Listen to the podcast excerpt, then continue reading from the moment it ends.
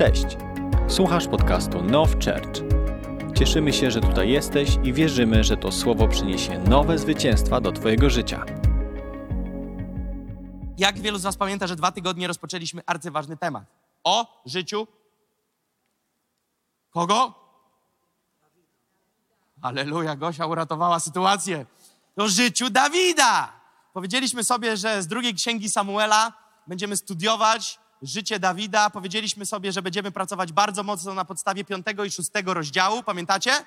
Rozmawialiśmy o tym bardzo dużo e, i zarysowaliśmy sobie ten temat i powiedzieliśmy, że w kolejnych spotkaniach będziemy brnąć dalej.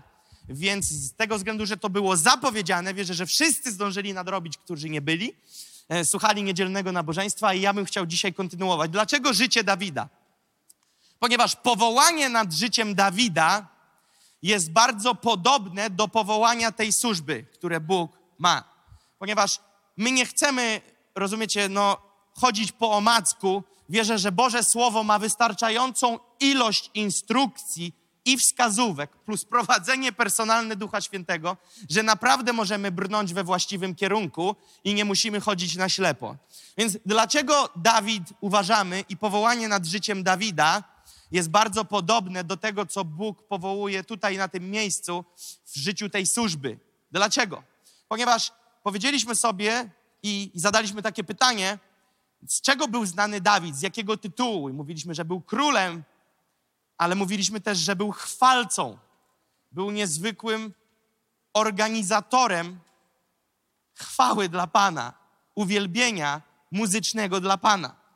I od początku, kiedy to miejsce powstało, rozmawialiśmy o tym, że głównym elementem wiodącym nurtem w rzece tego poruszenia jest temat uwielbienia i modlitwy, ponieważ wierzymy, że Boża obecność chce i może się manifestować na spotkaniach. I to Boża obecność jest tym, co tak naprawdę nas dotyka w taki sposób, że przynosi przemianę do naszego życia. Kiedy słyszałem Wasze świadectwa, czy to personalnie, czy ze sceny, czy gdzieś ktoś opowiadał czyjeś świadectwo, kto gdzieś coś opowiadał, co przeżył, to większość świadectw z osób, które się nawróciły tu, bądź które się obudziły w przygodzie z Bogiem na tym miejscu, mają wspólny mianownik. Nie wszyscy, bo nie możemy generalizować, ale nie pamiętam oddzielnego przypadku, ale w większości jest to samo. Boża obecność. Boża obecność podczas spotkania, która dotknęła mojego życia. To są słowa, które zostały wypowiedziane przez dziesiątki ust, dziesiątki osób na tym miejscu. Boża obecność, która sprawia, że czuję się tutaj tak dobrze. I to jest właśnie to, co my musimy rozumieć, na czym my budujemy, na Bożej obecności. Bez Bożej obecności nas nie ma. Ta służba ma mieć znak rozpoznawczy Bożej obecności, ponieważ to, co jest najlepsze dla nas, to Boża obecność. Boża obecność nas przemienia, Boża obecność przynosi nam wolność, Boża obecność daje nam poczucie satysfakcji, spełnienia, pełni i przy Bożej obecności i w Bożej obecności jest radość. Nawet jak jest sztorm, a sztorm zawsze był, jest i będzie w naszym życiu, możesz przechodzić przez ten sztorm z tętnem spoczynkowym, a nie 200 uderzeń i możesz mieć luz w tym wszystkim, co się dzieje, ponieważ Boża obecność jest piękniejsza, mocniejsza niż to wszystko, co nas otacza. Ona jest w stanie przynieść flautę do Twojego umysłu, flautę do Twojego serca, jest w stanie przynieść wolność. To nie jest kazanie, które przynosi wolność, na tym miejscu to nie jest piosenka, która przynosi wolność, to jest Boża obecność, która porusza się podczas kazań, podczas śpiewanych pieśni, ale głównym elementem, głównym czynnikiem, który zmienia nasze życie, jest Bóg sam we własnej osobie i Boża obecność. Dlatego właśnie na samym początku powiedziałem, jesteśmy totalnie zależni od Niego. Kiedy to mówiłem, miałem na myśli, jesteśmy zależni od Jego obecności. Jesteśmy zależni od Ducha Świętego i bez Niego nas po prostu nie ma. Tego kościoła nie ma. Tego kościoła bez Ducha Świętego nie ma. Wiecie, przeglądam czasami y, Instagrama i w kontekście innych ludzi. klikam, co tam w naszym świecie chrześcijańskim słychać. I powiem wam, że nie oczekując tego, natrafiam na materiały, na tak zwane story, storie, jak to niektórzy mówią, stories, e, gdzie, gdzie widzę urywki puszczanego uwielbienia z tego miejsca w innych kościołach, kiedy kościoły są zgromadzone razem, kiedy w czasie spotkań modlitewnych uwielbienie jest puszczane z tego miejsca. Ja sobie tak myślę, jak to zerkam, nie szukając tego. Po prostu zerkam, co się dzieje w naszym kraju. Myślę sobie, on, to jest szalone. To jest szalone, że dwa lata temu nas jeszcze nie było. Półtorej roku temu, plus minus, to jeszcze ja i pastor Dawid prowadziliśmy uwielbienie. Pastor Dawid przygotowywał pieśni na akustyku, czasami ja coś zagrałem. Yy, śpiewaliśmy sobie w kilka osób w pokoju i, i rozumiecie, takie, takie numery były. A nagle jesteśmy w miejscu, w którym to się dzieje. Musimy sobie jasno odpowiedzieć na pytanie, dlaczego, po to, abyśmy nie zwariowali. Dlaczego tak się dzieje? Ze względu na nasze niezwykłe talenty? Nie. Ponieważ chcę Wam powiedzieć, że jest masa ludzi bardziej utalentowanych od nas, nie ujmując naszym talentom. Nie ujmując naszym talentom. Ale jeżeli chodzi o talent, to talent nie jest tutaj kwestią, która sprawia, że to się dzieje. Tam słychać coś jeszcze. W tym uwielbieniu słychać coś jeszcze. Tym uwielbieniu tak naprawdę nie chodzi o to, co słychać, ale co jest w tym uwielbieniu. Jest Boża obecność. To nie oznacza, że w innych uwielbieniach nie ma Bożej obecności. Ja tylko mówię, że nasze marzenia się spełniają, ponieważ mówiliśmy, że chcemy, aby to miejsce było znane z Bożej obecności i aby ludzie tu przyjeżdżali, się napełniali, się inspirowali, zapalali się i wywozili to do swoich miejsc. I pamiętam, jak raz widziałem taką, taką osobę z dwoma, trzema kompaniomującymi tej osobie, y, towarzyszącymi. E, przyjeżdżała pewna osoba i w każdy piątek siadała gdzieś tutaj w miarę blisko frontu. Czasami z lewej, czasami z prawej, czasami w środku. Widziałem tą osobę. I tak nie wiedziałem, kto to jest. A kilka tygodni później zobaczyłem tą osobę w internecie, jak nagle w ich kościele wprowadzili w piątki o godzinie 19 wieczór uwielbienia, a okazało się, że ta osoba jest liderem uwielbienia. I przyjeżdżała tu piątek w piątek, aby ściągnąć tą wizję, aby tym przesiąknąć i w swoim mieście otworzyli co piątkowe o 19 wieczory uwielbienia. I to jest niesamowite. I tylko Bogu za to chwała. I Dawid właśnie był pionierem w kontekście uwielbienia, Dawid był pionierem w kontekście poruszenia, Dawid był pionierem w kontekście tego, co Bóg przez niego stwarzał, a powiedzieliśmy sobie dwa tygodnie temu w niedzielę, że Dawid stworzył poprzez Boże prowadzenie narodowy movement, Boże, Boży ruch. Zgromadzenie ludzi na poziomie narodowym w kontekście uwielbienia i w kontekście wywyższenia Boga. To zrobił Dawid. Za jego życia to się działo. I przestudiowaliśmy sobie, że Dawid chodził z tą wizją i był powołany do tego zadania. Iż nie da się za bardzo zrealizować takiego zadania, jeżeli nie ma w tym Boga. Nie dałby rady Dawid przeżyć naporu Saula za życia Saula, gdyby nie był z nim Bóg. Głowa państwa i wojsko pod mieczem wydaje wyrok na gościa na małym terytorium, o czym mówiliśmy. Nie masz szans tego przejść przez tyle lat, jeżeli nie byłby z tobą Bóg. Więc widzimy tutaj niezwykłe Boże prowadzenie i widzę, że im większa jest wizja, patrząc na życie Dawida, im większe jest namaszczenie i powołanie, im większe są rzeczy do zrobienia, im większy powierzony wpływ, tym większa opozycja. I tutaj będę takich kilka punktów dawał dzisiaj i wtedy zakończymy wspólną modlitwą. Chciałbym, żebyście zapamiętali to raz a dobrze, ponieważ mówiłem już wiele razy i pewnie jeszcze wiele wrócę, ale chciałem, żebyśmy zapamiętali to raz a dobrze. Jeżeli jest ucisk w Twoim życiu, widzisz, ja, są różne uciski, ja nie mam teraz czasu o tym mówić, ale jeżeli popatrzysz na bohaterów wiary, to nad ich życiem zawsze był wzbudzony jakiś szalony Saul. I tym Saulem może być jakiś człowiek, lub tym Saulem może być grupa ludzi, lub tym Saulem może być jakaś instytucja, tym Saulem mogą być jakieś okoliczności, ale generalnie chodzi tutaj o charakterystykę Saula, który ciągle depcze ci po piętach i nie możesz wyluzować. Kiedy czytamy o życiu Pawła, nie mamy za wiele wyjaśnione, ale jest mowa o tym cierniu, który nosił w sobie. Kojarzycie? Wiecie, to od, od wieków teolodzy próbują wyjaśnić, co to było, i tak naprawdę nie da się tego ogarnąć, ponieważ mamy za mało danych. Ale ja myślę, że ten cień właśnie był tym Saulem. Ponieważ posłuchaj tego, nieważne co było tym cierniem, musisz mieć Saula w swoim życiu, jeżeli chcesz mieć namaszczenie Dawidowe. Wiesz dlaczego? Ponieważ Saul utrzymuje cię w dyscyplinie. Saul utrzymuje cię w dyscyplinie. Saul cię mobilizuje. Saul nie pozwoli ci się wyluzować. Nie mówię tu o w kontekście odpoczynku i funkcjonowania na luzie, bez spokoju w życiu.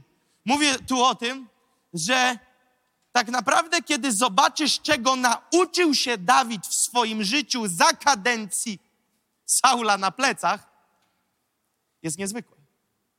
To, ile się nauczył Dawid, to, ile Bóg pozmieniał w Dawidzie, to, ile Bóg ukształtował rzeczy w Dawidzie za pościgu Saula za Dawidem, to jest taka masa informacji, taka masa rzeczy, które zostały ukształtowane w życiu Dawida.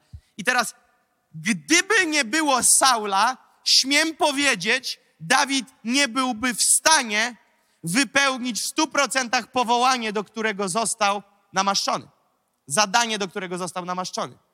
Więc teraz musimy rozumieć, że ty jako osoba, jako jednostka i my jako Kościół razem musimy rozumieć, że na płaszczyźnie prywatnej, czyli ty i twoje życie, i na płaszczyźnie Kościoła jesteśmy i idziemy przez sezony. O sezonach już nie raz mówiłem. I myślę, że każdy z was odbiera, że życie to takie trochę brnięcie przez sezony. Ale kiedy mówimy o sezonach w kontekście progresu, progresywnych sezonów, gdzie jest więcej chwały, więcej namaszczenia, co za tym idzie i spróbuję dzisiaj do tego dobrnąć, jeżeli mi się nie uda, to jak zwykle przełożymy na następną, to większy wymiar namaszczenia, większy wymiar wpływu równa się, uwaga, równa się, szalone co powiem, ale to jest napisane w Biblii, nie, no, zostanę ukamienowany, większy wymiar sławy i popularności. To jest napisane w Biblii, ja zaraz to, to pokażę. To, to nie jest fajne. To my myślimy, że to brzmi fajnie. Ludzie dzisiaj szukają sławy i popularności. W służbie, jeżeli stajesz się popularny i sławny, to wiedz, że wiatry wyją mocne. I teraz, kiedy mówimy o rozwoju do góry, o wpływie, o większym namaszczeniu, to przed każdym sezonem musisz przejść okres przygotowania do kolejnego sezonu. Nie możesz nie wejść niegotowy na nowy poziom. Po angielsku jest takie powiedzenie, które się rymuje, po polsku ono się nie rymuje, ale new level, new devil. Czyli nowy poziom, nowy diabeł. Bo devil to diabeł, a level to poziom. Więc po angielsku fajnie brzmi new level, new devil. To oznacza nowe poziomy, nowe diabły. Nowy, nowy, wyższy poziom, wyższe demony, rozumiecie? Wyższy opór, wyższa opozycja, większy wymiar oponenta. Więc jeżeli ty będziesz wchodził schodkami do góry z sezonu na sezon, nieprzygotowany, to te terytorium, ta, ta atmosfera, jeżeli nie jesteś przygotowany, ona cię zgniecie. Ona cię skasuje, ty jej, ty jej nie ogarniesz. Ponieważ musisz być na to przygotowany. Pomyśl sobie, że to nie Jezus, a ty zostałeś wyprowadzony na 40 dni postu na pustynię i na 40, na 40 dzień postu wjeżdża do ciebie diabeł we własnej osobie i zaczyna z tobą pojedynek. Przecież to byłby koniec w przypadku niektórych. Ale Jezus był gotowy na to. Ale uważaj, tajemnica tej historii Jezusa na pustyni jest taka, że w Biblii jest napisane i jakiegokolwiek tłumaczenia nie wyciągniesz, kontekst jest ten sam i się nie zmienia brzmienie tego, że to Duch Boży zaprowadził Jezusa na pustynię, aby kusił go diabeł.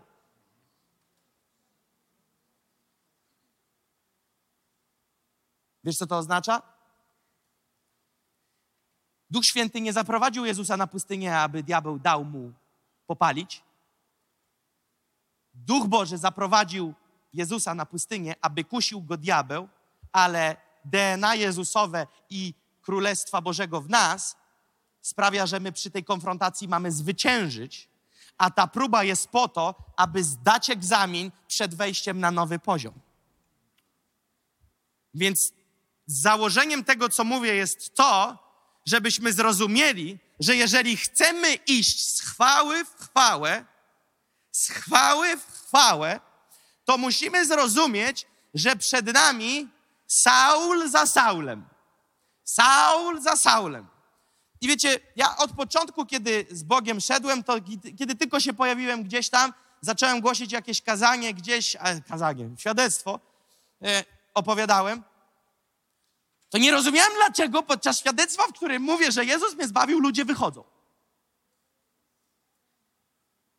No na samym początku, no myślisz sobie, czyste świadectwo. Nie ma nic o pieniądzach.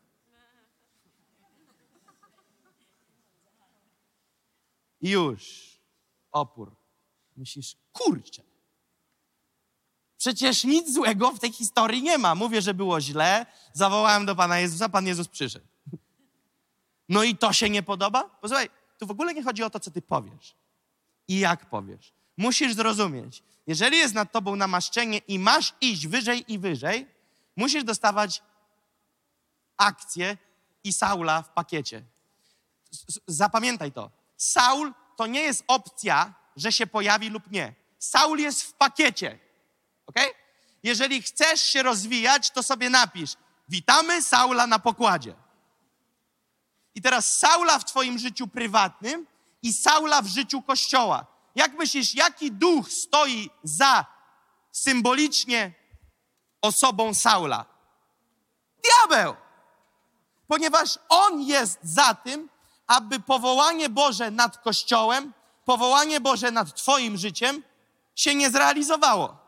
To jest prosta matma. On jest po to, aby do tego nie dopuścić. Bóg ci zaplanował ścieżkę, ty na nią wchodzisz, a diabeł robi wszystko, żeby cię znokautować i, nie zatrzym- i, i zatrzymać, abyś nie doszedł do końca. Więc często my widzimy te kłody tych Saulów, ale musisz zrozumieć, to nie Saul jest winny. Dlaczego o tym mówię? Ponieważ jeżeli jesteś dojrzałym chrześcijaninem, to zrozumiesz, co teraz mówię, a jeżeli jeszcze tego nie zdałeś, to będzie to dla ciebie inspiracją, aby w przyszłości to zdać, ten egzamin. Ludzie, którzy do ciebie przyjdą, będą cię orać, będą cię cisnąć, będą przynosić ucisk. Jeżeli jesteś kumaty i dojrzały, to nie widzisz ich jako przeszkodę. Nie widzisz ich jako problem i nie widzisz ich jako przeciwnika. I wiesz, co wtedy robisz? Jesteś wtedy gigantem wiary. Błogosławisz swoich nieprzyjaciół. A diabeł mówi, to jest niemożliwe. Się połapał. Bo celem diabła jest powiedzieć, to Saul! I wdać cię w wojnę z Saulem. Ale Dawid nie walczył z Saulem. Dawid nie zamierzał ośmieszyć Saula.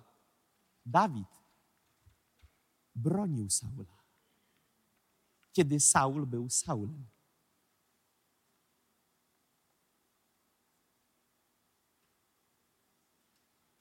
My chcielibyśmy Saula ubić, rozjechać wałkiem, zobaczyć, jak mu mózg wypływa uchem.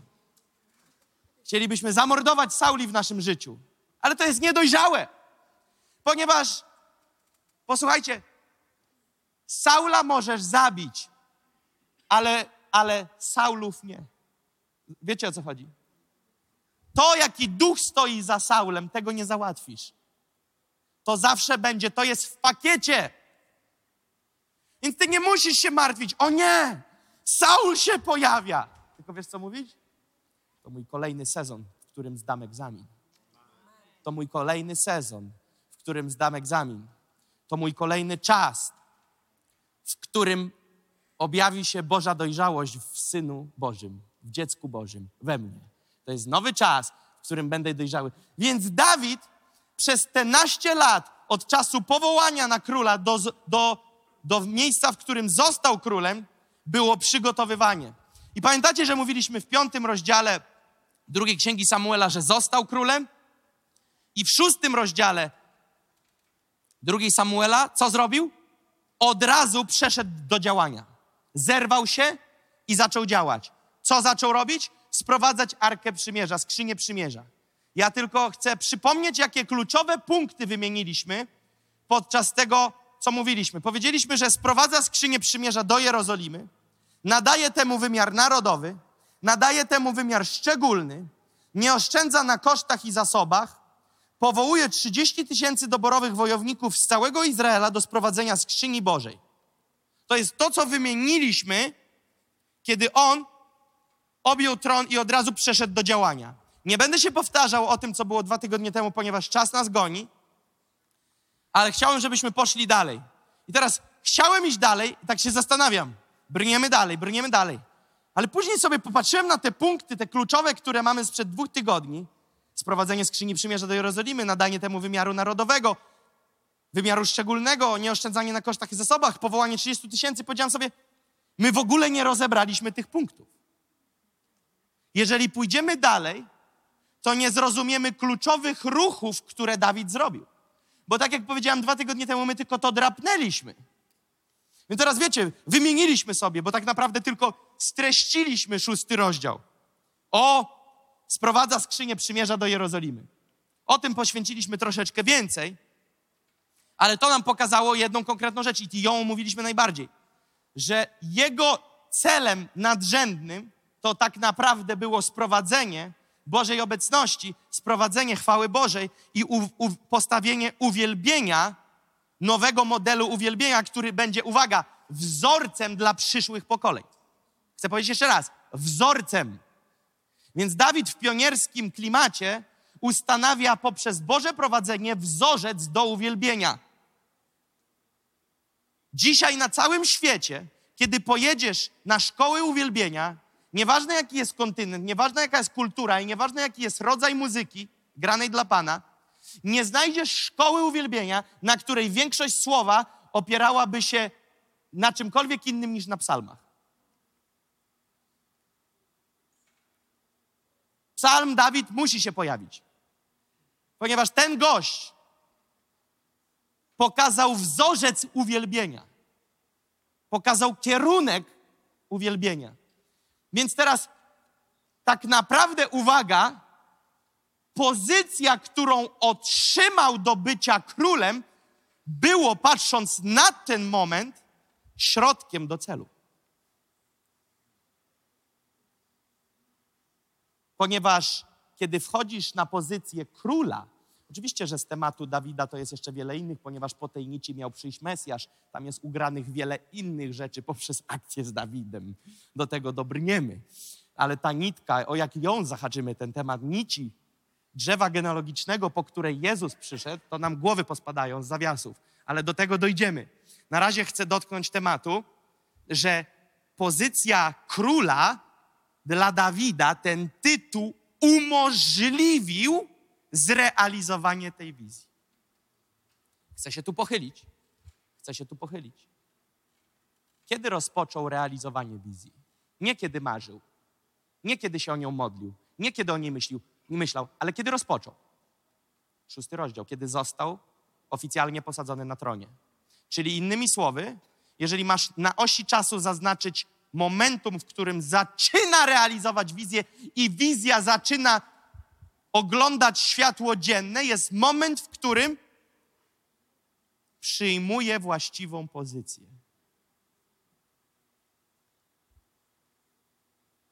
Pozycję jaką? Wpływu. Co jest za wpływem? Możliwości, zasoby, środki. Pomyślcie o tym. Pomyślcie o tym. Powołał 30 tysięcy doborowych wojowników przed tym, jak objął tron, nie miał takiej możliwości. Nie miał takich zasobów. Nie miał takich znajomości. Więc teraz pomyśl sobie, spróbujcie sobie to wyobrazić, że jesteś Dawidem przed szóstym rozdziałem. Już wiesz, że ogarniesz 30 koła doborowych wojowników. Weźmiesz 30 tysięcy najlepszych, ale nie możesz nadal tego zrobić. Posłuchaj tego. Wiesz, co masz zrobić. Wiesz, jak zrobisz, a dalej nie możesz. I siedzisz jak na jajku. Wiesz, co ma być. Wiesz, jak ma być. Widzisz wszystko. Marzysz o tym, ale nie możesz tego dotknąć. Ponieważ musi się zrobić jeszcze wiele rzeczy wokoło. Musi się poustawiać wiele innych elementów wokoło, aby ta maszyna mogła zatrybić. Ktoś powie, tak, patrzymy płytko na tą historię i byśmy powiedzieli tak. Pojawił się Dawid, namaszczony, kochał Pana, więc wizja się zrealizowała. Tak? Dawid żył 30 lat wcześniej. On już był od dawna. I był wybrany 14 lat wcześniej do zrobienia tego zadania. 14 lat jest wizja w Twoim sercu. 14 lat jest powołanie na Tobie, a nie oglądasz rzeczy. A z Józefem jak było? Powołanie było, marzenie było, sen był, świadomość była, ale się nie wypełnia. Dlaczego? Oj, to jest grubo. Ponieważ, po pierwsze, Bóg nie chce takich raptusów. To znaczy, o, teraz tu, dwie minuty temu pomysł, teraz robimy. Ponieważ nie ma prawa to być przygotowane. Pomyśl o tym. Nie przemyślisz wszystkiego od A do Z. Nie zaplanujesz tego, nie, nie, nie ściągniesz całego scenariusza. Nie masz czasu na to przemyśleć. I teraz uwaga, to co chcę powiedzieć przez ten punkt jest to.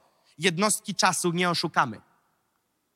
Możemy być turbo gorący dla Pana, możemy tutaj się spotykać, wołać, nakręcać. Musi być wiele rzeczy, które się ukształtują i się muszą połączyć ze sobą, aby wypełnienie się tej wizji ujrzało światło dzienne. Ponieważ o jakiej my wizji rozmawiamy? Dawid coś kleił, my coś tu kleimy. My nie jesteśmy tu po to, żeby sobie tylko porozmawiać i powspominać Dawida. My przekładamy to analogicznie do nas. Jaka jest nasza wizja? Co chcemy widzieć? Mówimy o czym? I to już nie jest tajemnica, że wiemy, że ten kościół jest powołany do tego, aby być takim kościołem hubem, kościołem takim mocnym w mieście kilkutysięcznym. O tym rozmawialiśmy. Każdy z liderów wie to, o drugiej w nocy by był wybudzony wiadrem zimnej wody, by odpowiedział, że tak jest, ponieważ o tym rozmawiamy. Ci z was, którzy są tutaj i się pojawiają regularnie, wiecie, że do tego to idzie, ponieważ Bóg dał o tym sen. Miałem o tym sen. Widziałem liczbę, widziałem tłum, widziałem wypełnione po brzegi miejsce. Widziałem, że to było kilka tysięcy. Dokładna liczba w tym śnie była 4370. I to wcale nie jest końcowa liczba, ale widziałem, że był etap, na którym pojawiło się w kościele lokalnym na nabożeństwie 4370 osób i my byliśmy nieogarnięci, niegotowi, w ogóle nas to załatwiło. Na amen. Więc to jest powołanie. Bóg mówi, jest misja, do której zmierzamy. Jest, jest cel, do którego idziemy. Celem nie jest mieć duży kościół. Celem jest później, co ten duży kościół będzie robił. Więc teraz to się dzieje, my do tego chcemy iść. Ale pytanie, czy jesteśmy już dziś na to gotowi? I powtarzam pytanie, czy jakby Bóg dziś wysłał 4000 ludzi tu, to my ogarniemy? Odpowiedź brzmi nie. Nie ogarniemy. Więc widzicie, może być wizja, może być wiara w tą wizję, może być świadomość tego, co nadchodzi, możemy się z tym zgodzić i powiedzieć, chcemy to, i to wszystko nie wystarcza, aby się to zrealizowało. Teraz jeszcze więcej powiem.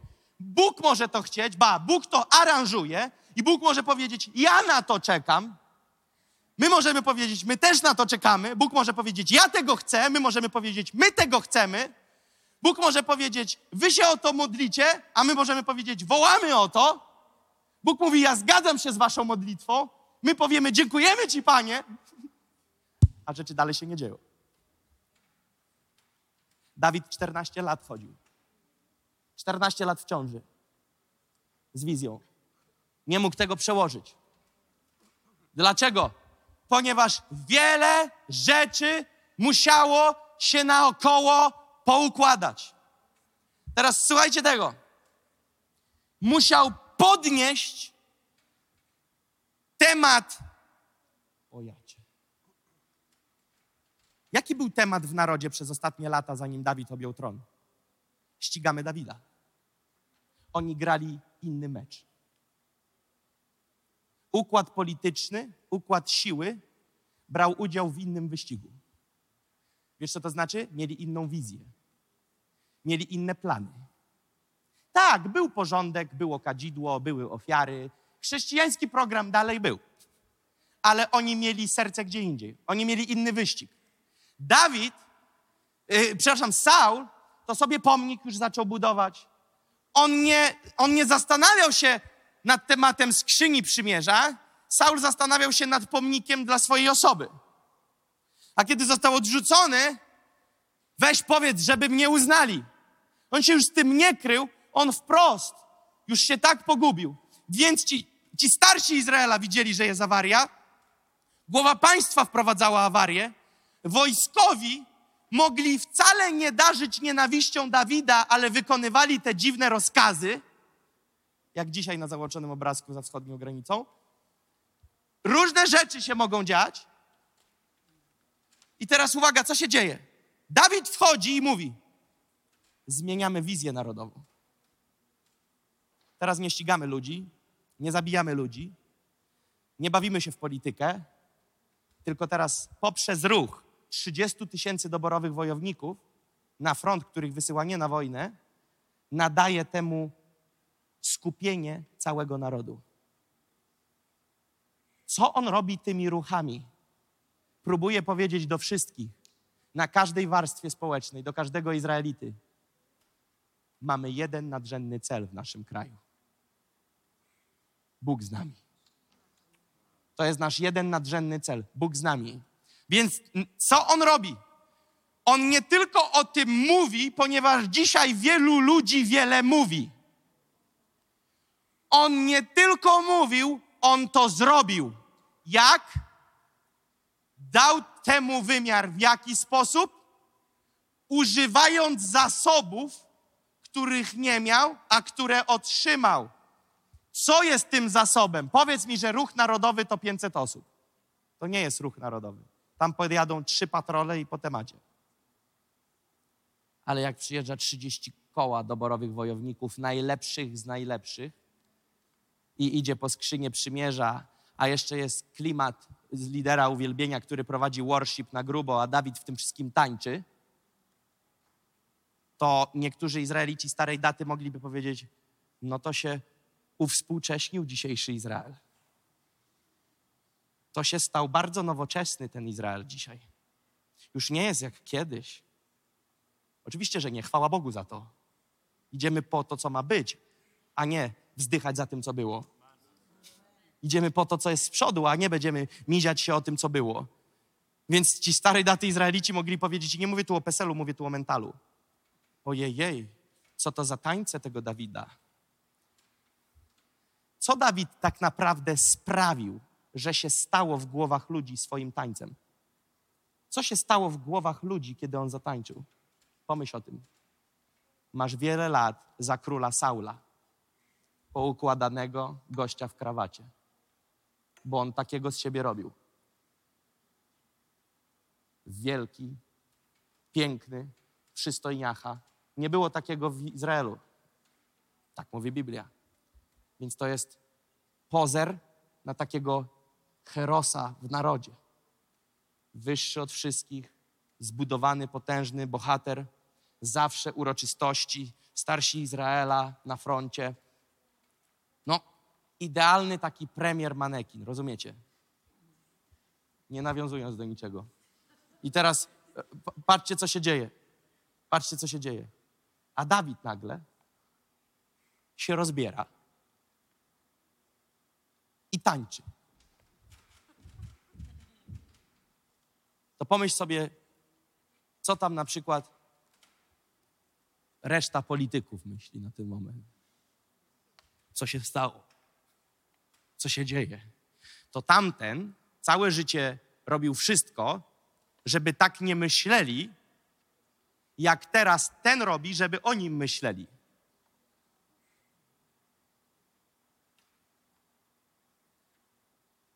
Osoba Dawida, zachowanie Dawida i styl Dawida zmieniły mental w narodzie na temat chodzenia z Bogiem.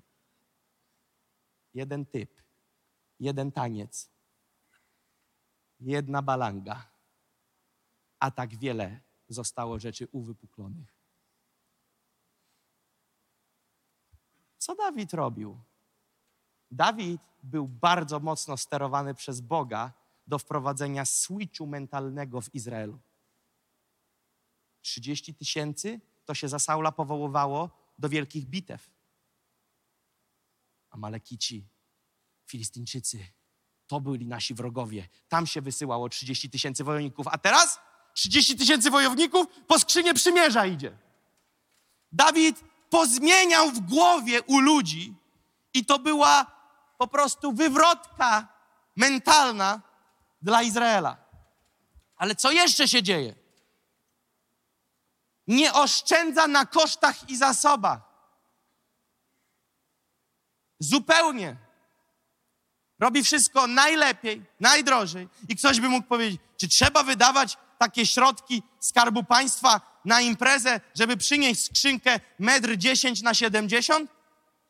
To my z czterema chłopakami pójdziemy, przyniesiemy, a lepiej te pieniążki na tych 30 tysięcy ludzi, co mają podróżować, wydajmy na co innego. Niech mają urlop. Niech mają wolne, nie bierzmy ich, nie, nie róbmy tego całego popłochu, nie wieźmy tego wszystkiego. Po co ta cała impreza? Zróbmy to po kosztach. Dawaj tam we czterech przyniesiemy, z czterech rogów złapiemy, chłopie będzie czad, wiesz, przyniesiemy, nawet nie będziesz wiedział, kiedy już będzie stała. Koleżko, Dawid mógłby powiedzieć, po pierwsze, co ty byś nie wrócił, bo byś dostał takiego dzwona z nieba, żeby cię nawet nie znaleźli, by twój proch zmieszał się z prochem piachu i by cię nawet nie, nie zarejestrowali, kiedy i jak zniknąłeś. Po drugie, nawet gdyby była taka opcja zrobić to po kosztach, to ja nie jestem tym zainteresowany. Ponieważ kiedy Dawid chciał nabyć pole i jeden gość chciał mu dać to za darmo, Dawid powiedział: Ja nie chcę za darmo, ja chcę za to zapłacić, bo ja chcę nadać temu wymiar. To był Dawid. Dawid był zainteresowany, nowoczesny kościół by powiedział: Dawid był takim, który hypował mocno. Nie, nie, to nie był pusty hype, to nie było puste pompowanie. On starał się wyciągnąć z padołu religii ten naród i powiedzieć, to będzie miało nowy wymiar te chrześcijaństwo. No dzisiaj, kiedy idzie Boża chwała, wszyscy o tym będą wiedzieć, bo jak idzie 30 tysięcy wojowników, to uwierz mi, każdy się skuma, co się dzieje. Dzisiaj Boża obecność będzie miała poklask, mówi. Dzisiaj Boża obecność będzie miała celebrę. Dzisiaj będzie podczas Bożej obecności, będzie działo się najlepiej, najpiękniej. Będzie w tym efekt, będzie w tym jakość i będzie w tym rozgłos. Tak powiedział Dawid. I koniec, mówi, koniec z bidą. Koniec z bidą. No i przyprowadzają tą Arkę Przymierza. Skrzynię Przymierza przynoszą. No i jest skrzynia. I teraz chciałem wam przeczytać wersety, które są bolesne dla religijnych ludzi. Druga księga Samuela, piąty rozdział, dziesiąty werset, mówi tak. I wzrastał Dawid w potęgę, a Pan, Bóg zastępów, był z nim. Nie, nie, nie. Najważniejsze to, żeby Pan Bóg wzrastał w potęgę. No, akurat to y, autor co innego napisał. Tutaj jest, wzrastał Dawid w potęgę, a Pan, Bóg zastępów, był z nim. Teraz drugi werset, to jest druga Samuela, siódmy rozdział, dziewiąty werset. Bóg mówi, i byłem z tobą wszędzie, dokądkolwiek się wyprawiłeś i wytępiłem wszystkich twoich nieprzyjaciół przed tobą i uczynię wielkim imię twoje, jak imię wielkich na ziemi.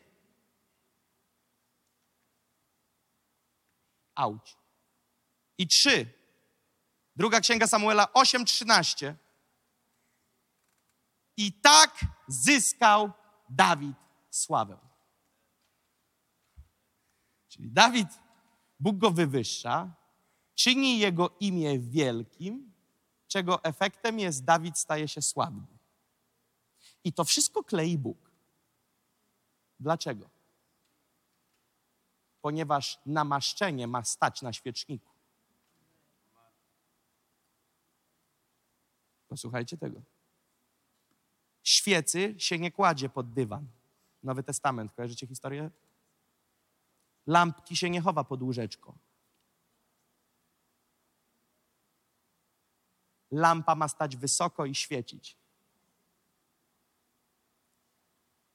Ponieważ wróg przykręca śrubę i swoje lampki wiesza wysoko. I Boże Królestwo to nie jest zbiorowisko ciamajdów, tylko to ma być armia kumatych ludzi, która stanie wysoko w każdym obszarze, polityce, sporcie, kinie i zaświadczy o chwale. I zaświadczy o chwale. Więc Bóg czyni imię Dawida wielkim, sprawia, że jest sławny. Co to w ogóle jest? To się nie mieści w ramach religijnego chrześcijaństwa. Przecież my mamy czynić wielkim imię Boże. Tak! Ale jak później rozsławić to imię na miliony, jeżeli nie masz żadnych narzędzi, żadnego wpływu, żadnej siły przebicia?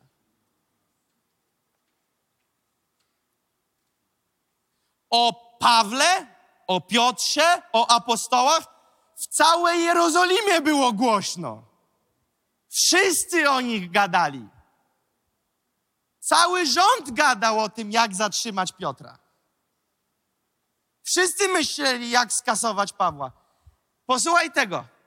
Nagle, kiedy chodzisz w namaszczeniu, stajesz się osobą na tapecie, zarówno w niebie, jak i w piekle. To jest normalna matematyka. Jeżeli nie będziemy wierzyć, że tak jest, to będziemy nieprzygotowani ani na jeden scenariusz, ani na drugi scenariusz. Słuchajcie, nie myślcie, że rozmawiamy o tym, że chcemy budować swoją markę. O tym nie rozmawiamy. Ponieważ Bóg nie wywyższył Dawida po to, aby zbudować markę Dawida. Ponieważ Lira jest napisane, że król zasiadł na tronie Dawida. Dawid tak naprawdę może mieć swoje imię przy tronie, ale to chodzi o króla, który siedzi na tym tronie. I my możemy być takim podnóżkiem. My możemy być takim troniczkiem. Nasze życie może być takim troniczkiem, na którym rozsiada się król i błyszczy. Kiedy patrzysz na króla na tronie, nikt nie rozmawia o tronie, rozmawia się o królu. A jednak jakieś imię widnieje na tronie. Tronie Dawida. Bóg mówi: Z tobą mi się tak fajnie gada. Ty jesteś tak kumaty i rozkochany we mnie, że tron króla nazwę Twoim imieniem. My czasami ludzie mamy za dużo do powiedzenia. Niekiedy z kimś ci się gadka klei i mówisz, to co, jedziemy za rok na wakacje razem? Bo trzy dni z nim się znasz, gadka ci się skleiła i rzuciłeś deklarację, za rok jedziemy, ale później przez rok się dowiadujesz, że to kanalia i nie chcesz mieć nic do czynienia z tą osobą, ale nie wiesz, jak się wykręcić ze słów, które powiedziałeś, bo powiedziałeś za dużo. Wiesz, o co chodzi?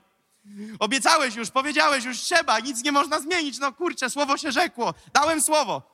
Ale ja wierzę, że Bóg to nie jest ten, który mu się wymcknęło słowo. Oj, tak się dobrze z tą gadało, że się zapędziłem, Dawid. Wiesz co, przepraszam, zapomnij o tym, co mówiłem ostatnich dniach. Nie, nie, nie. Bóg tak przygląda się Dawidowi, przygląda się Dawidowi, przygląda się Dawidowi i mówi: Ja chcę się nim szczycić. Ja chcę się nim szczycić. Kiedy ja jeżdżę gdzieś, szczycę się najbardziej Jezusem, a drugie potem towami. Kiedy jeżdżę na usługę. Jestem dumny z Nowchurch, opowiadam, co wy tu robicie, jak służycie. Odpowiadam na spotkaniach pastorskich. Pastorzy pytają, jak w tak krótkim czasie jest tak, jak jest? Jak do tego doszło? Ja mówię, bo tam jest kapela szalonych ludzi. Więc się z wami szczycę. Ja was nie wychwalam w kontekście oddawania wam czci, ale pokazuję was jako wzór do tego, aby królestwo się rozwijało. Więc kiedy Bóg wystawia kogoś do góry, kiedy buduje komuś renomę, kiedy się do kogoś przyznaje, to nie robi to po to, aby ten człowiek został oklaskany i obsypany złotem, ale po to, aby powiedzieć: Jestem dumny z tego człowieka, jak żyje dla mojej sprawy, jak żyje dla mojego królestwa, szczycę się nim. Tak jak się Bóg szczycił Jobem. I diabeł doskonale, wiedział, że Job to niezła perełka w Bożym oku. I wtedy diabeł przychodzi do Boga i mówi: Wiesz, on cię tak kocha, bo nic złego się nie stało. Daj mi go na chwilę, to go przerobię i zobaczymy, co potem. Widzicie o co chodzi?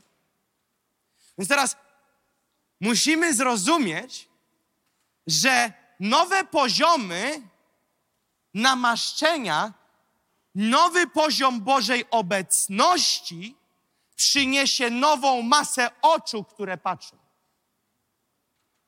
A to zobowiązuje nas do większej dyscypliny, większej jakości, większej wstrzemięźliwości, większego uświęcenia i bycia jeszcze większym przykładem. To, co mówię, nie mówię po to, aby nałożyć na kogoś presję.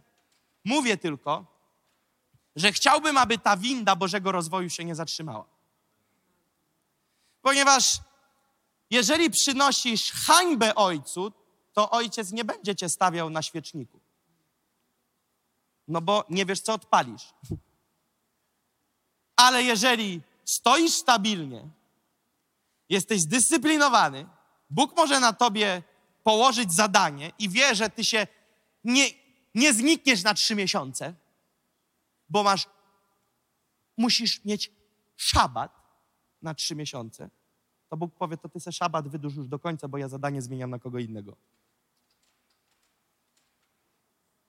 I teraz ja nie chcę być gościem i wierzę, że wy też nie, tego typu ludzi, którzy uprawiają chrześcijaństwo. Chrześcijaństwa się nie uprawia. Można uprawiać kolarstwo, grzybiarstwo, różne szalone sporty, narciarstwo, szachy. Można uprawiać różne rzeczy. Chrześcijaństwa się nie uprawia. Chrześcijaninem się jest. Chrześcijaninem się jest. I my chcielibyśmy tutaj mieć miejsce, w którym ludzie są świadomi, że nie uprawiamy cotygodniowego chrześcijaństwa, ale jesteśmy chrześcijanami. Nie chcemy fajnie zorganizowanej niedzieli, ale chcemy dobrze poukładane życia. Nie chcemy, aby niedziela była przerostem formy nad treścią, gdzie pokażemy fajny kościół wesoły. A od poniedziałku do soboty dół, tylko chcemy, aby było tu życie. Ale jeżeli tak ma być, to potrzeba w nas zgody w tej misji. Potrzeba, żebyśmy wspólnie podjęli to wyzwanie. Że chrześcijaństwo to nie jest kolejna uprawa, tylko to jest styl mojego życia. To jest styl mojego życia. Ja zadałem sobie pytanie, co ja bym robił, gdybym ja miał oddać te zadanie? Wiecie, co widzę? Próżnię. Oczywiście ktoś powie, to czekaj, to, to żyjesz dla zadania, czy ty kochasz Boga, bo wtedy Bóg ci wystarczy, bla, bla, bla. Ja mówię, że gdybyś zabrał mi te zadanie, no to już, panie, katapulta, mogę odjeżdżać. No bo jak nie mam zadania tego i mam się teraz zająć zadaniem 30-letniego kredytu na dom marzeń, to mnie te zadanie nie kręci. Aczkolwiek nie ma nic złego w kredycie 30-letnim. Ale jeżeli to ma być mój cel nadrzędny, wybudować dom marzeń, to właśnie te zadanie realizuję. Budujemy dom Boży. Dom marzeń. Dom marzeń. Dom marzeń. Dom i miejsce Bożej obecności. Miejsce Bożej obecności. I w tym się tu poruszamy. Więc teraz posłuchajcie. Te trzy wersety. Rośnie Dawid w potęgę. Pan był z nim wszędzie, dokądkolwiek się wyprawił, wytępił przed nim wszystkich jego nieprzyjaciół. Uczynił wielkie imię Jego, jak wielkie imię na ziemi. I zyskał Dawid sławę. Jaka się nam postawa Dawida klaruje i, i, i maluje w naszej głowie.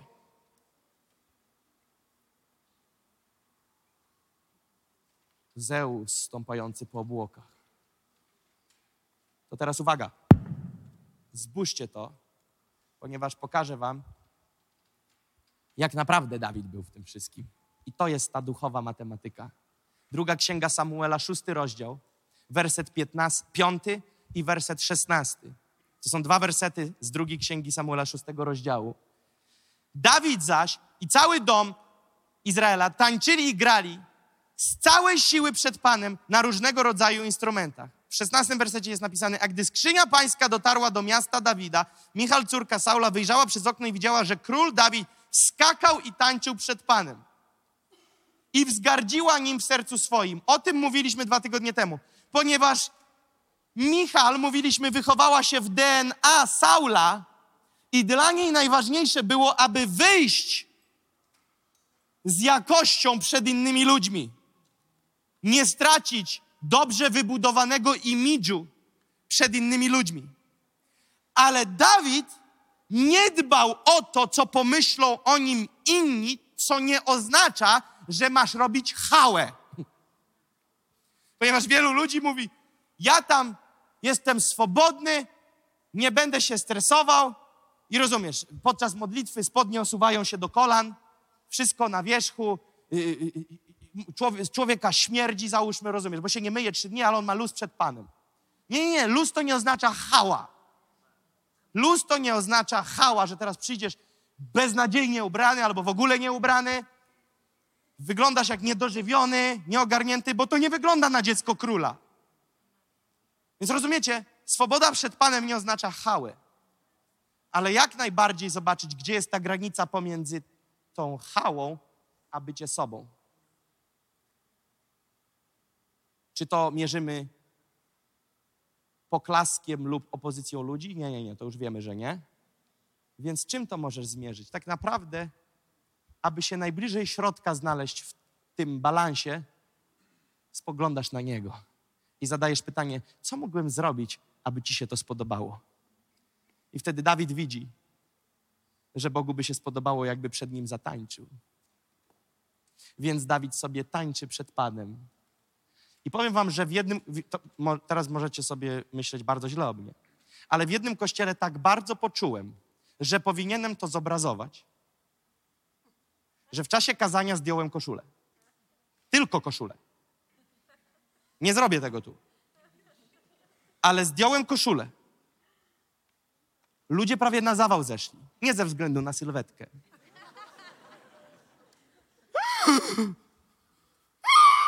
Wszystkie demony religii się obudziły. A ja mówię, drodzy Państwo, i złapałem zapasek.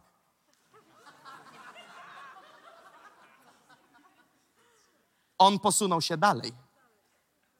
Co byście. Ja widziałem pastora, kiedy siedział w pierwszym rzędzie podczas tego momentu.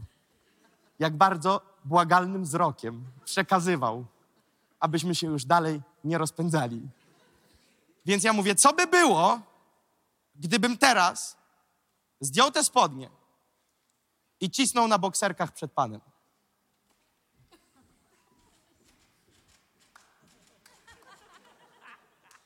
Słuchajcie, my nie moglibyśmy uwielbiać. Tak bardzo byśmy byli tym zgorszeni, tak bardzo by to nam przeszkadzało, tak bardzo byśmy nie mogli ponad to przejść, żeby to sparaliżowało całe spotkanie. I teraz uwaga, ja nie mówię, że jeżeli ktoś teraz wokoło sali będzie chodził w bikini, to to będzie normalne.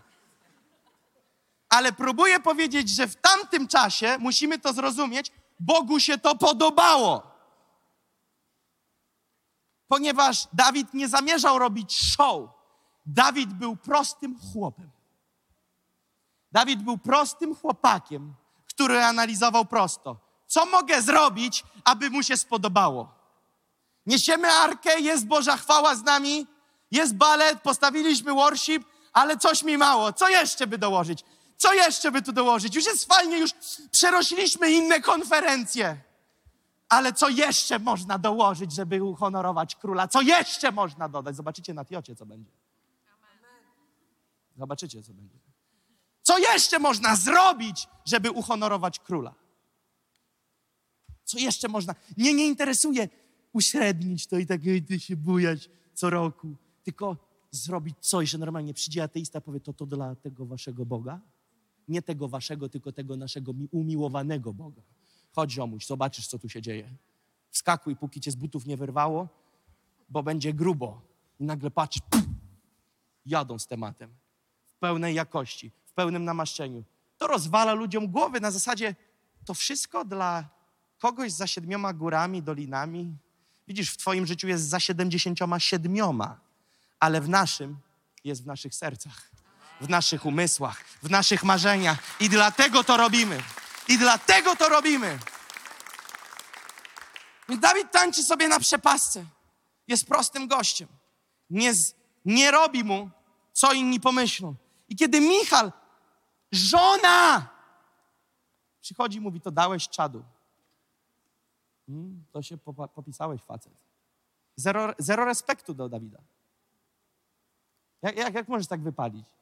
Chłop ma swój dzień, kurczę, i siedział na jajku 14 lat, w końcu się udało. I ty tak go w domu witasz?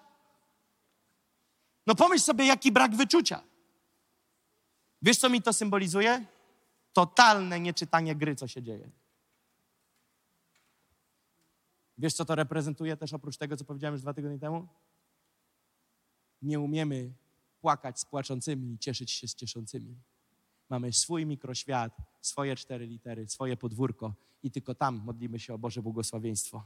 Ale chciałbym, żebyśmy nauczyli się cieszyć ro- urodzinami pastora Dawida. Chciałbym, żebyśmy um- umieli się cieszyć sukcesami, które są w waszym życiu i chciałbym, żebyśmy umieli płakać z płaczącymi. Chciałbym, żebyśmy mogli dojść do takiego miejsca, gdzie nie będziemy obojętni na to, co się dzieje w życiu drugiego człowieka. Dawid był skupiony na Bogu, ale nie wierzę, że go nie zabolało. Nie wierzę, że go nie zabolało, ponieważ układ emocjonalny u Dawida jest mocno rozwinięty. Układ emocji w jego życiu jest mocny. Czytam psalmy i widzę. Więc nie sądzę, że nie doleciało i nie zostało w jego uchu i pamięci, co zrobiła z nim Michal. Za, zaorała go na drzwiach. A chciałbym przypomnieć, co między innymi musiał zrobić Dawid, żeby poślubić Michal.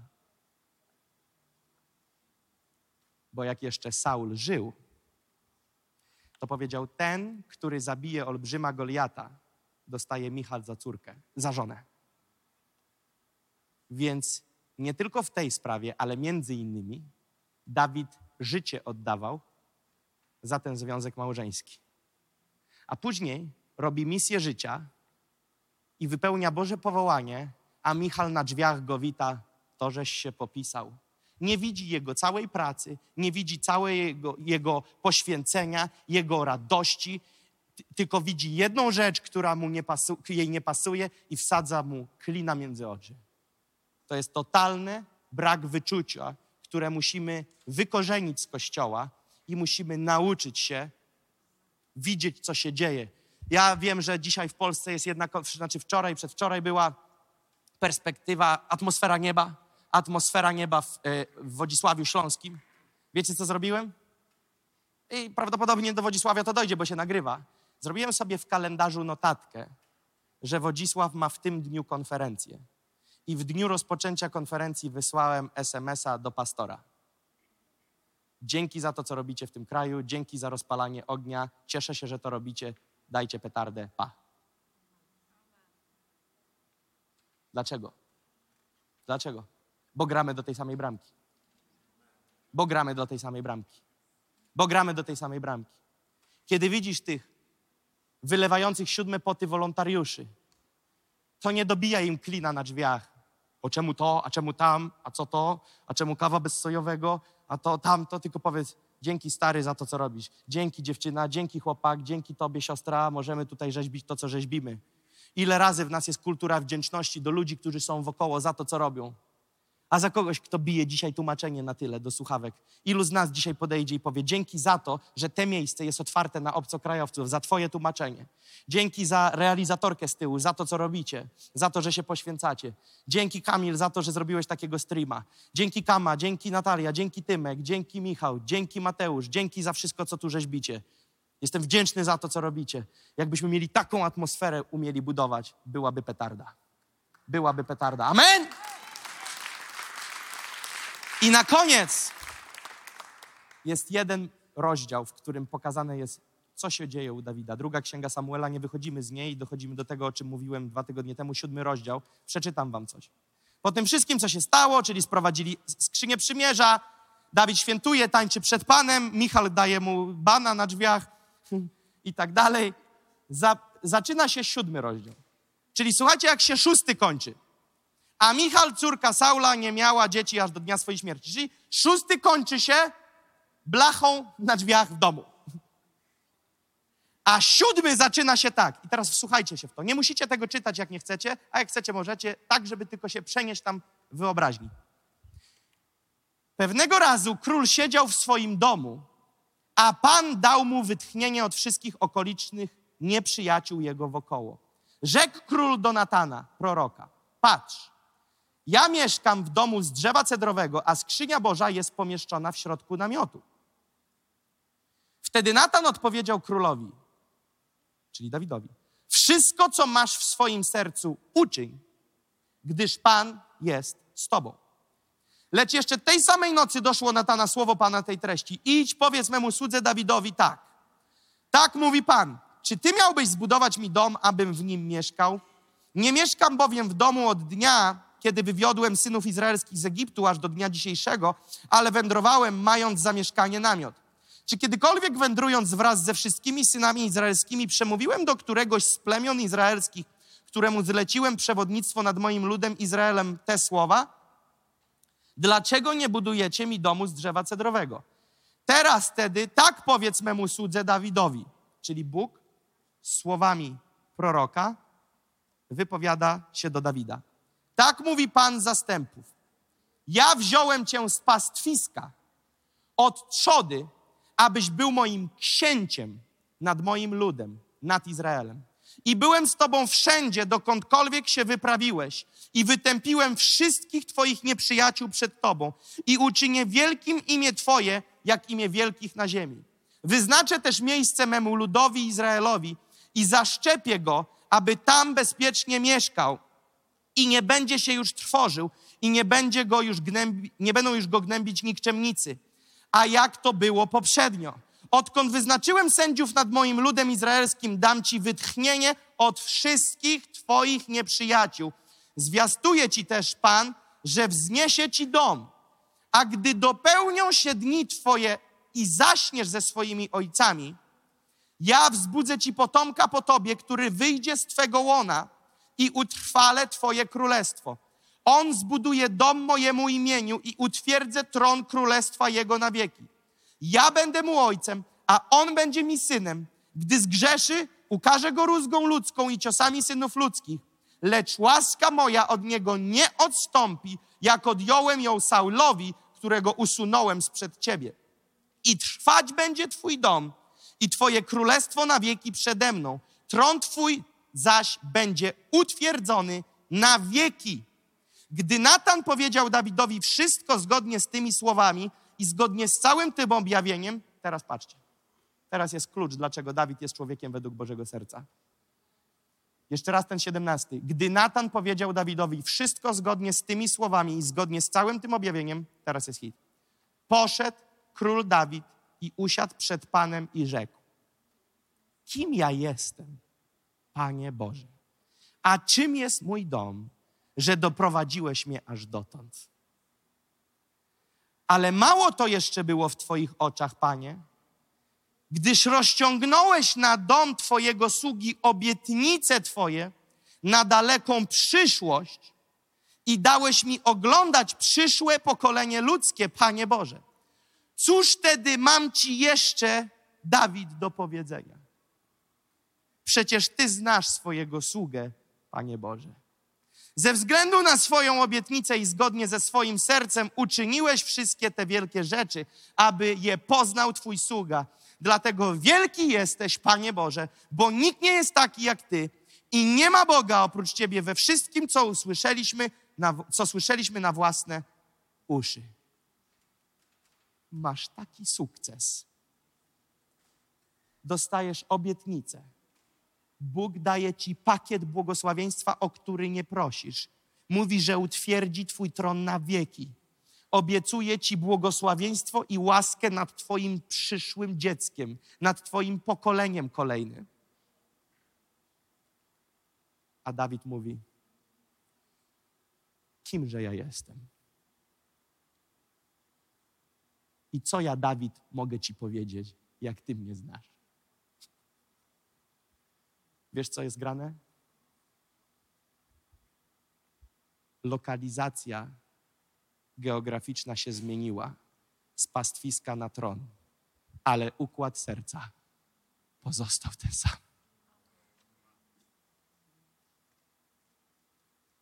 Rozumiesz, co się dzieje? Dostajesz od Natana szoty, błogosławieństwa. Słuchasz tego, nogi ci miękną. Natan kończy i on nie mówi, Natan, dzięki, może zostaniesz, zjemy coś. Tylko wiesz co, Dawid? Jak Natan skończył, to Dawid tak. Hmm.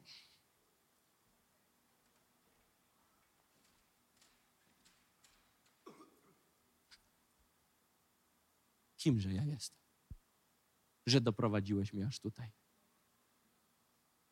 Z łąki mnie zabrałeś i uczyniłeś mnie swoim księciem. I ta fraza mnie rozwala. On nie powiedział, co ja ci mogę powiedzieć, tylko mówi, co ja, Dawid, mogę ci powiedzieć. Rozumiesz? On pokazuje, że jest pionkiem.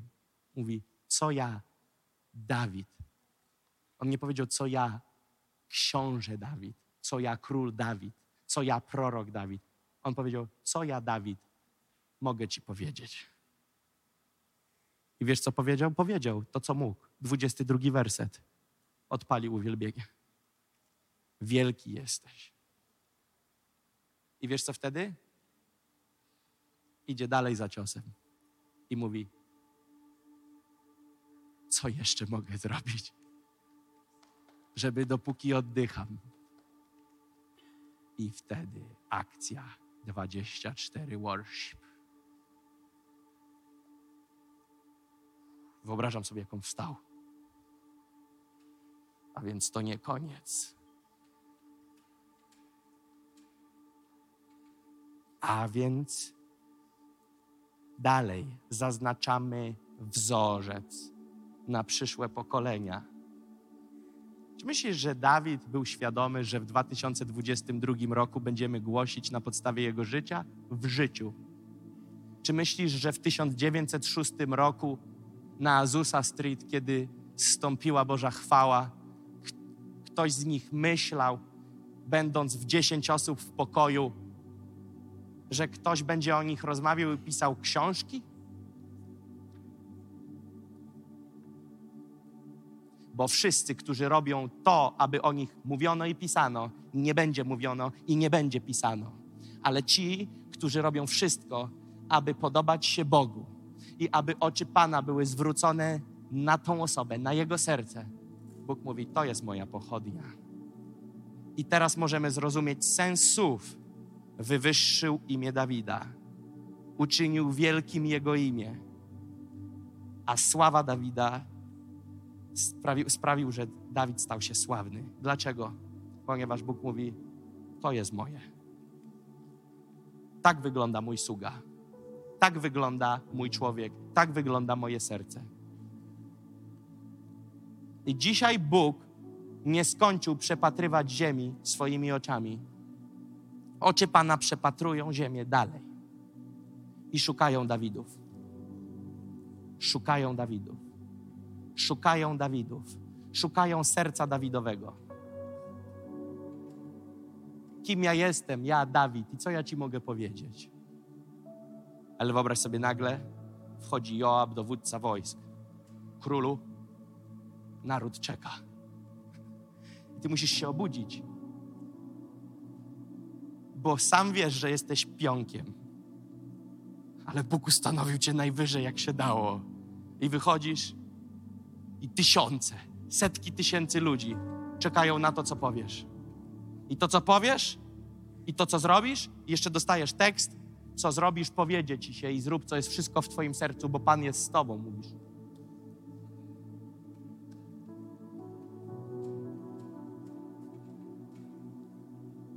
Chciałbym to spuentować w ten sposób.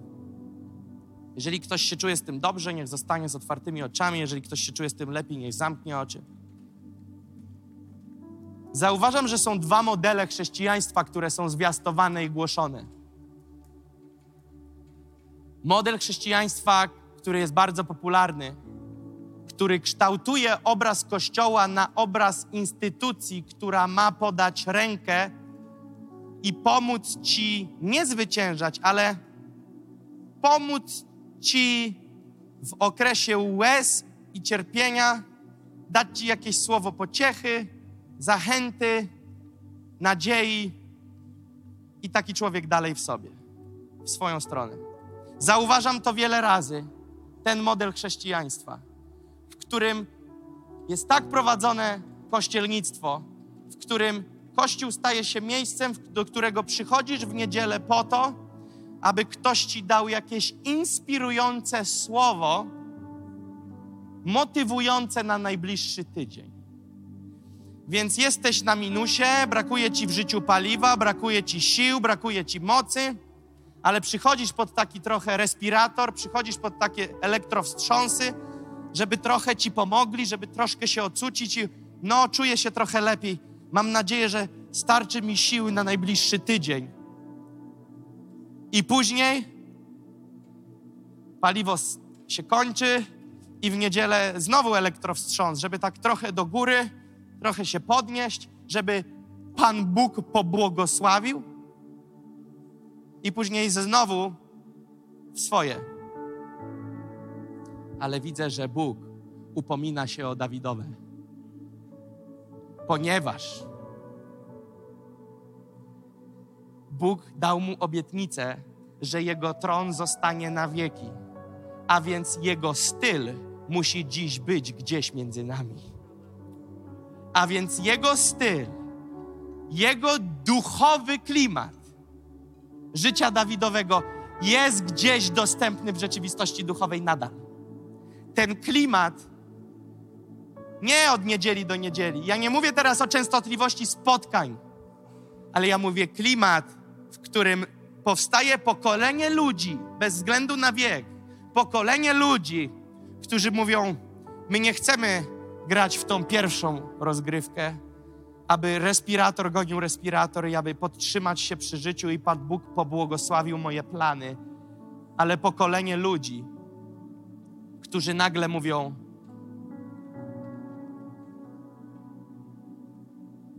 Ja będę w gronie tych 30 tysięcy.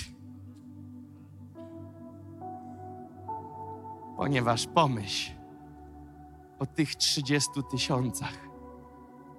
Bóg mógł nie wspominać tego w Biblii. Mógł cisnąć tylko o Dawidzie, ale jest o tych 30 tysiącach. Czy jesteś gotowy dzisiaj pójść po Bożą obecność i sprowadzić ją na nowo do tego narodu? Głębokie pytanie.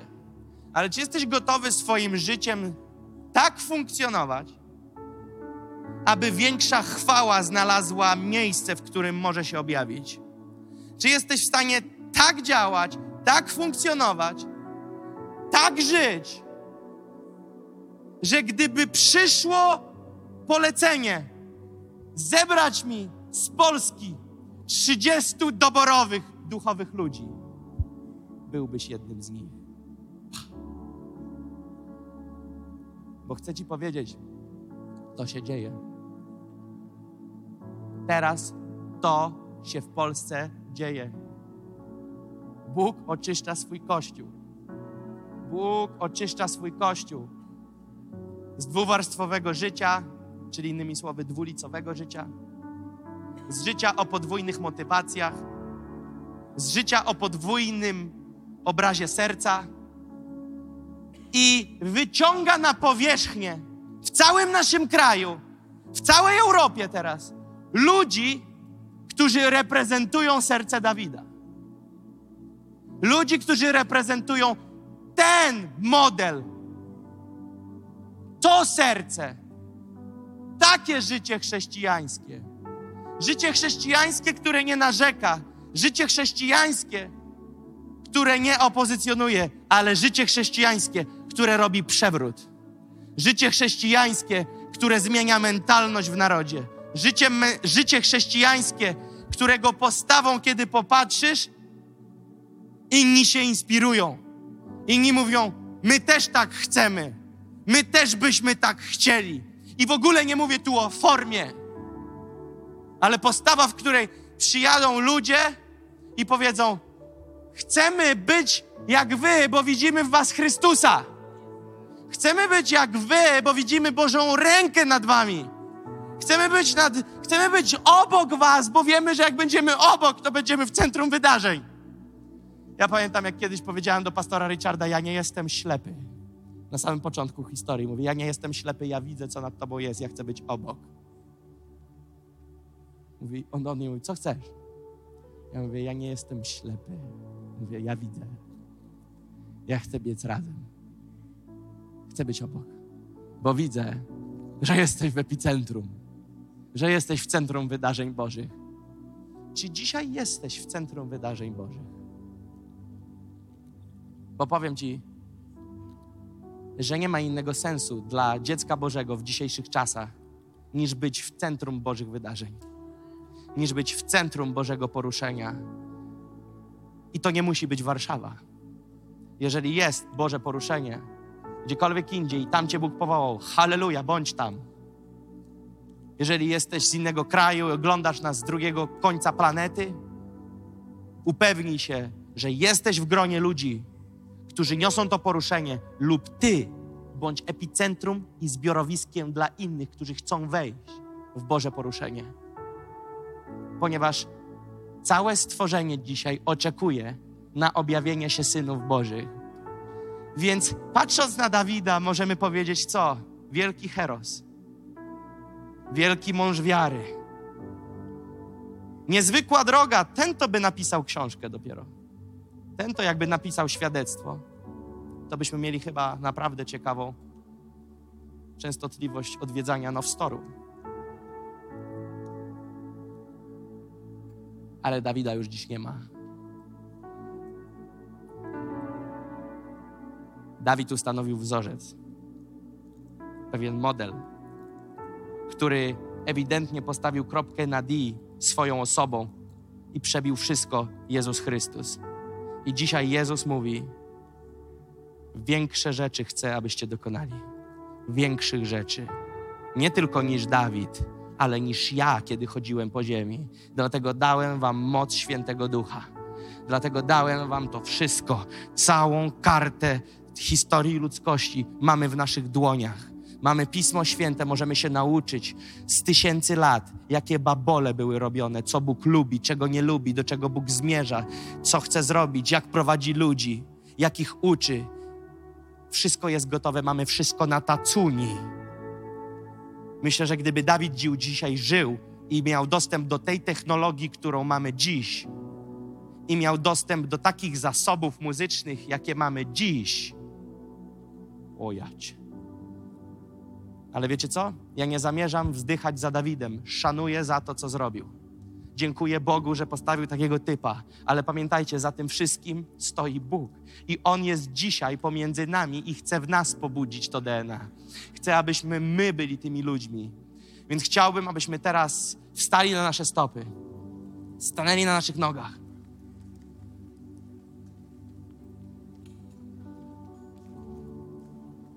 W najbliższym czasie one już się przygotowują. Będziemy mieli służbę tańca w kościele. Euni będzie liderem tej służby Jest już Wika, która się przygotowuje do tego. Wiemy, że będą też inne osoby, że ta służba będzie się rozwijać. Ponieważ przez ostatnie miesiące czułem, jak były momenty, w których czuję, jak Bóg mówi, jest tu brakujący element podczas tego. Służba tańca. Ja mówię, ajajajajaj, się nie ogarnęliśmy. Mówię, się spóźniliśmy czy coś? Bóg mówi, nie, nie, nie, idzie sygnał. Chcę tutaj taniec. Mówię, okej, ale nie mamy dzisiaj służby. Więc pamiętacie momenty, w których mówiliśmy już nie raz i nie dwa. Ci z was, którzy czują taniec, wyjdźcie do przodu. Dlaczego? Nie mówiłem w tamtym momencie. Ale poczułem, że Duch Święty mówi, gdzie jest taniec? Gdzie jest taniec? Mówię, dobra, to wyjdźmy, zatańczmy przed Panem. Święte uwielbienie. Święte uwielbienie dla Pana pomyśl. I nagle prawdziwi chwalcy w duchu i w prawdzie. Serca jednego marzenia. Psalm 27,4 jedno prosiłem, jedno zabiegam. Nagle wizje o przemienionym narodzie. Nagle powołani do modlitwy, powołani do tego, aby walczyć w modlitwie, powołani do tego, aby być w tym gronie 30 tysięcy, powołani do tego, aby wierzyć o wielkie rzeczy, powołani do tego, aby ogłaszać wielkie rzeczy, powołani do tego, aby robić wielkie rzeczy i je robić. Nie tylko o nich marzyć, nie tylko być do nich powołani, ale robić. Zacznij wierzyć, zacznij wierzyć, zacznij wierzyć w wielkie rzeczy. Zacznij wierzyć w wielkie rzeczy. Zacznij chcieć wielkich rzeczy. Zapragnij poruszenia Bożego.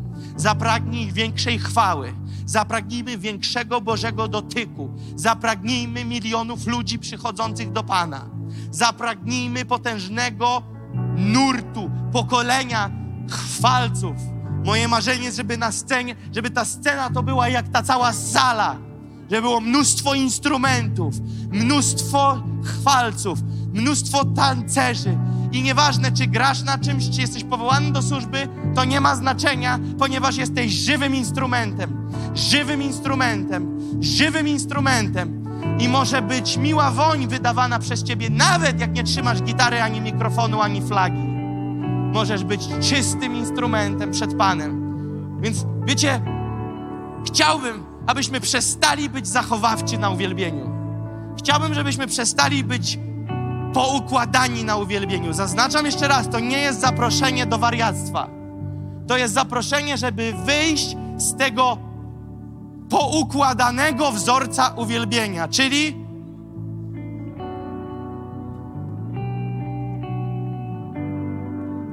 to jest dzisiaj model uwielbienia.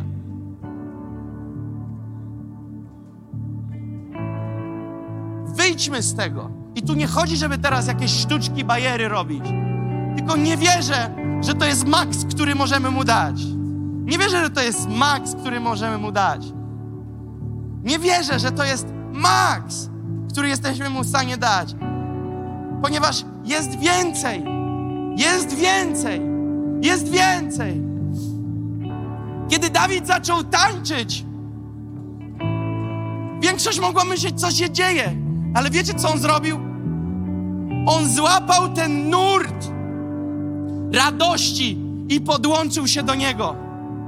Ta radość nie była w jego głowie, ta radość się przez niego przejawiała. Gdyby dzisiaj przyjechali do nas ludzie i spojrzeli na nas, co przejawiamy? Na pewno szacunek. Co przejawiamy? Na pewno oczekiwanie. Ale czy przejawiamy radość Pana? Czy przejawiamy wolność Pana? Czy przejawiamy euforię przed Panem? Tu nie chodzi o sztuczne, bo byłem w takich miejscach. Tragedia, kiedy na siłę coś pompujemy, że jesteśmy weseli. Nic z tych rzeczy, nie z tej branży. Mówimy o szczerym pływaniu przed Panem. O szczerym pływaniu przed Panem.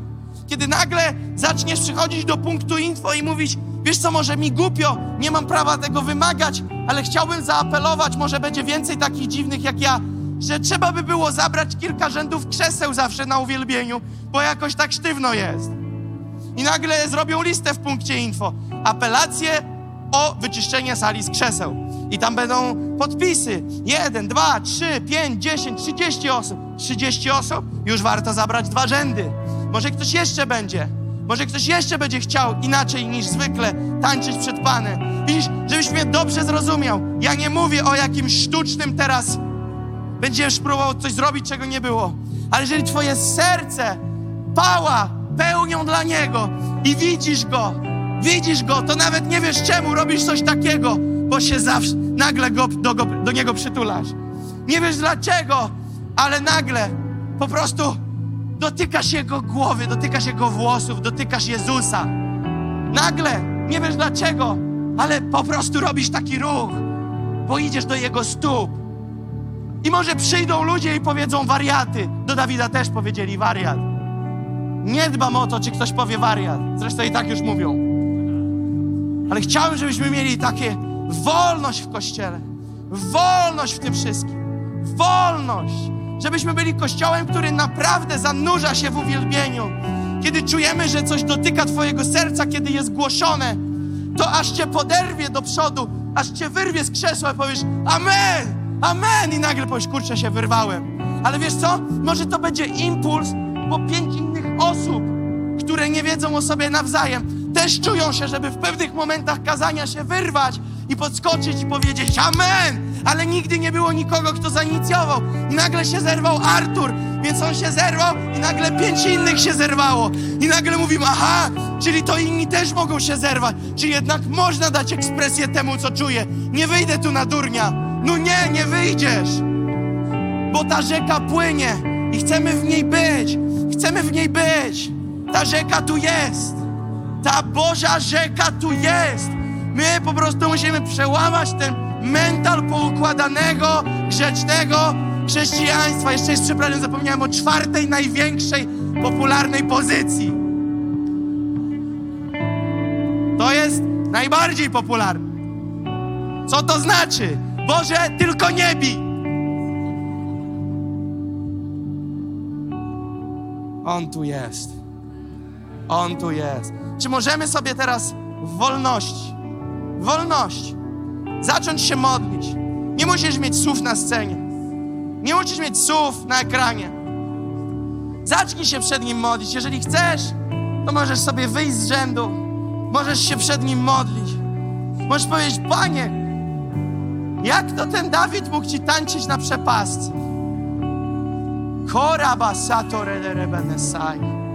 Dzięki Ci, Panie. Dzięki Ci, Panie, że chcesz przynieść wolność do swojego kościoła. Dzięki, że chcesz przynieść wolność do swojego kościoła. Wolność, Panie. Wolność, Panie. Wolność swoją. Panie, niech zejdzie z nas jakaś presja zakonu. Niech zejdzie z nas presja złego postrzegania Ciebie. Panie, my chcemy być wolni przed Tobą w dalszym ciągu, w szacunku, w bojaźni, w uświęceniu, w świętym podejściu, ale wolni, chwaląc Ciebie, nie mając problemu z tym, żeby zaśmiać się bez, bez żadnego słowa, bez żadnego problemu, aby zatańczyć przed Tobą, bez żadnego problemu, aby zniżyć się przed Twoimi stopami, bez żadnego problemu, aby patrzeć w niebo i uśmiechać się, wiedząc, że Ty uśmiechasz się do nas. Panie, niech płynie Twoja wolność, niech przychodzi wolność, niech przychodzi wolność, niech przychodzi wolność, niech przychodzi wolność. Wyswobadzaj, wyswobadzaj, wyswobadzaj.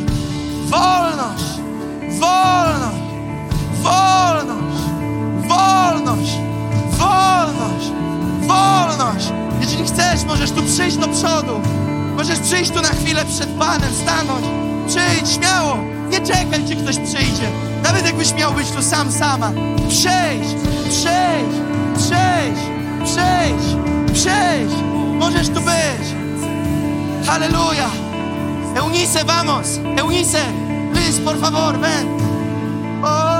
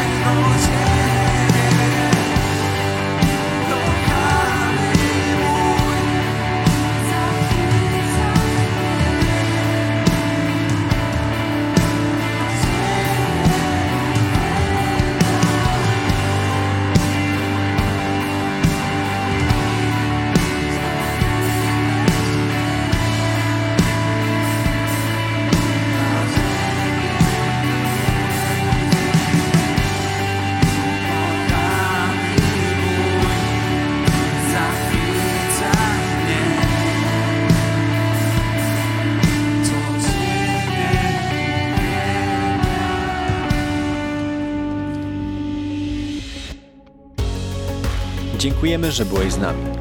Jeśli chcesz dowiedzieć się więcej o naszych działaniach lub nas wesprzeć, zapraszamy Cię na www.nationsonfire.org ukośnik nowchurch.